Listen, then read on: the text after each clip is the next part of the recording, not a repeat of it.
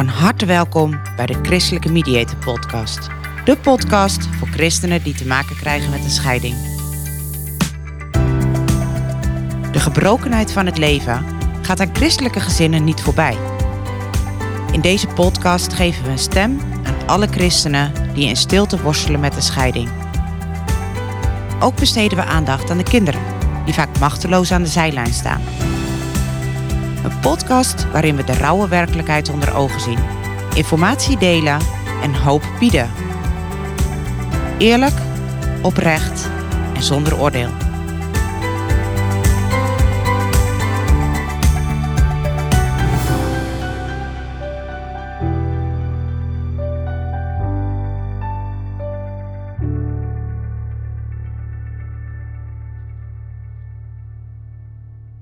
Welkom bij de Christelijke Mediator Podcast. Goed dat je luistert.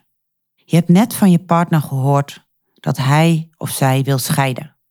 Kans dat je overvallen wordt door dit besluit is groot. Je wereld stort in en al je zekerheden vallen weg op het moment dat je die boodschap krijgt. En de eerste, bijna onvermijdelijke reactie van jou nadat je je partner heeft verteld dat hij of zij wil scheiden, zijn meestal ondoordacht. Je kan het niet geloven. Je wil het niet geloven. Dit kan niet waar zijn. Hoe durft hij? Wat denkt ze wel niet? De kans dat je het niet gelooft of niet wil geloven is heel groot. Wellicht denk je zelfs wel dat je partner in de war is. Maar er komt een moment dat je je realiseert dat het geen opwelling was. Dat het niet in een ruzie even een onderdachte uitspraak was. En stel nou dat er in het verleden in ruzies dit wel vaker geroepen werd, dan is het helemaal lastig om te geloven dat het nu echt is, dat het nu medens is. Komt een moment dat het tot je doordringt. Het is nu echt. Dat is vaak een hele verwarrende en pijnlijke periode. Je voelt je afwisselend boos verdrietig. Afgewisseld door het kan niet waar zijn. Het is niet echt. En daarna word je weer boos of verdrietig enzovoort. De grond lijkt soms onder je voeten weggeslagen. De dagen en weken daarna volgen die emoties elkaar waarschijnlijk in een rap tempo op. En veel voorkomende emoties zijn ontkenning, teleurstelling, verdriet, angst, agressie, schuldgevoel. En zoals ik al zei, die kunnen elkaar razendsnel in een wisselende samenstelling afwisselen. En tegelijkertijd zal daar steeds opnieuw deze vraag zijn: waarom? Waarom gaan we scheiden? Waarom wil hij geen moeite meer doen? Waarom gooit zij de handdoek in de ring?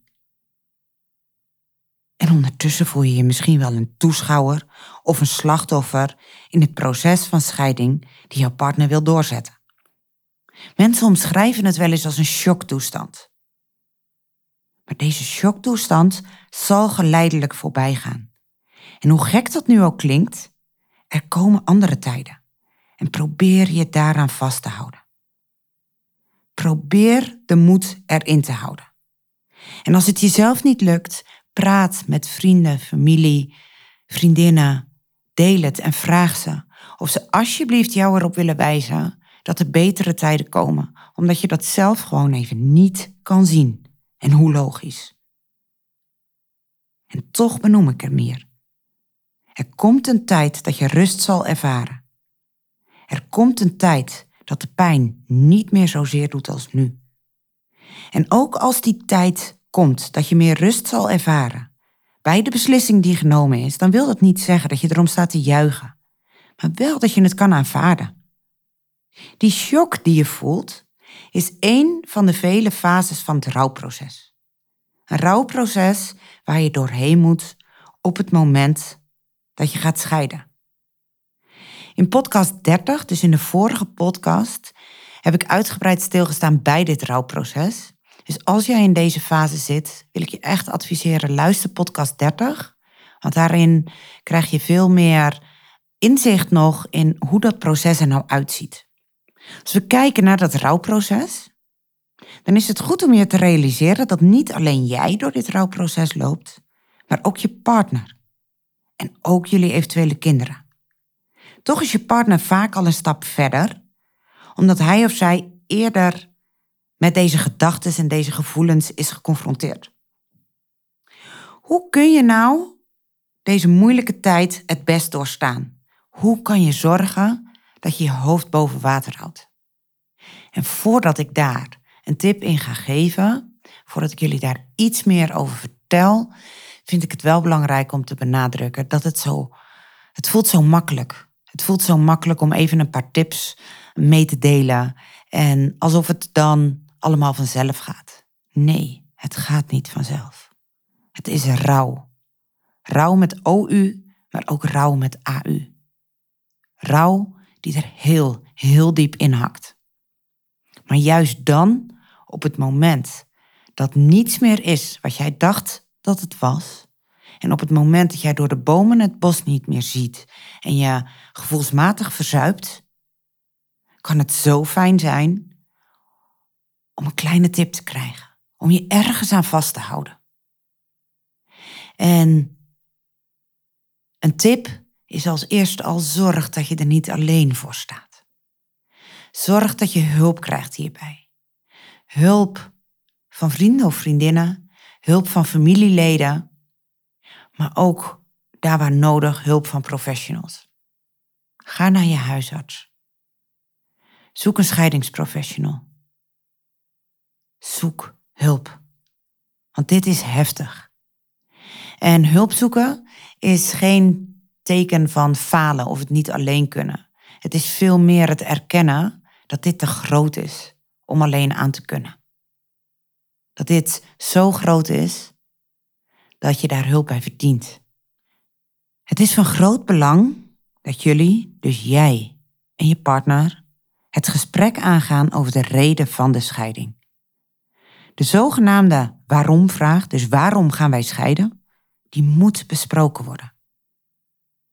In plaats van toeschouwer te blijven van deze scheiding, is het nodig dat je stapje voor stapje deelnemer aan de scheiding gaat worden. Ook als je dat eigenlijk helemaal niet wil. Ga in gesprek met je partner over de reden, de reden van de scheiding. Wat maakt dat hij of zij dit besluit heeft genomen? Dat gesprek gaat niets veranderen aan het feit dat jullie gaan scheiden. Maar het antwoord is nodig om het verdriet te kunnen verwerken. Probeer goed te luisteren naar de beweegredenen van je partner. Het kan verleidelijk zijn om die redenen van tafel te vegen, omdat jij het zo anders ervaart. Omdat het vanuit jouw beleving helemaal niet klopt wat hij of zij zegt. Maar probeer dat niet te doen. Probeer te luisteren. Het is, ook al ervaart jij het zo anders, het is alles behalve helpend om de redenen van de ander van tafel te vegen. Enerzijds omdat je je partner daar niet mee terugkrijgt.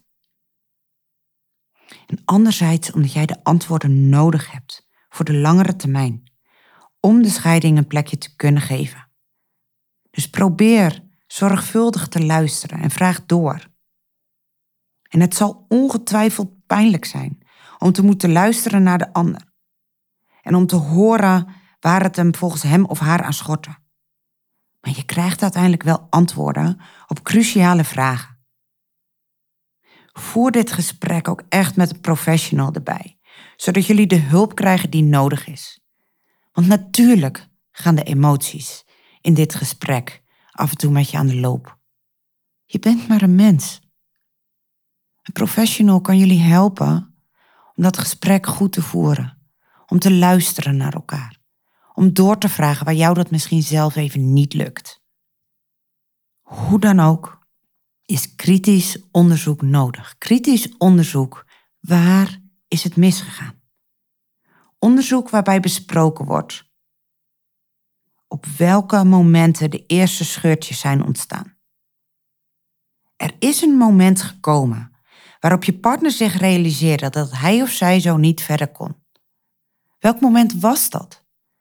Wat is daaraan vooraf gegaan? Hoe heeft het zover kunnen komen? Hoe kon het zijn dat jij dat zo anders beleefde dan je partner?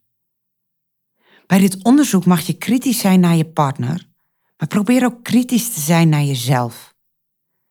Wat was jouw aandeel in het geheel? Wat had jij met de kennis die je nu hebt anders kunnen doen? Het is zo waardevol als jullie open durven staan voor feedback van elkaar. En dat wil zeggen door niet gelijk in de verdediging te gaan, maar te luisteren naar elkaar en proberen te weten te komen wat de ander werkelijk bedoelt. Niet zelden ontstaan hierbij gesprekken zoals jullie die in lange tijd al niet meer met elkaar hebben gehad. Het is alles behalve eenvoudig, maar zo ontzettend de moeite waard. Ik zou nog zoveel meer tips kunnen geven en toch kies ik ervoor om dat niet te doen. Je krijgt ongetwijfeld van mensen uit je omgeving allerlei tips en adviezen. En ik wil mij voor nu beperken tot zoek hulp. Zorg dat je er niet alleen voor staat. En ga het gesprek aan om helder te krijgen waarom het zover heeft kunnen komen. En doe dat gesprek met een professional.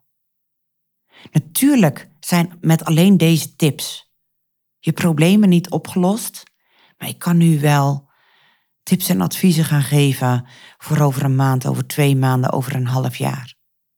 Maar je mag voor nu de focus hierop leggen. De focus erop leggen dat je er niet alleen voor hoeft te staan, dat je hulp mag vragen en dat je in gesprek kan gaan met een professional om stil te staan bij die waarom-vraag. De rest komt later. Wel wil ik je heel veel sterkte, kracht, wijsheid en zegen meegeven. En wees mild voor jezelf. Want deze tijd is meer dan heftig. Dank voor het luisteren naar de Christelijke Mediator podcast. Mocht je behoefte hebben aan advies of aan een luisterend oor, schroom niet. Neem vooral even contact op. Dat kan via www.christelijkemediator.nl we helpen je graag. Je staat er niet alleen voor. Wil je geen aflevering meer missen? Abonneer je dan op de podcast in je favoriete luisterapp.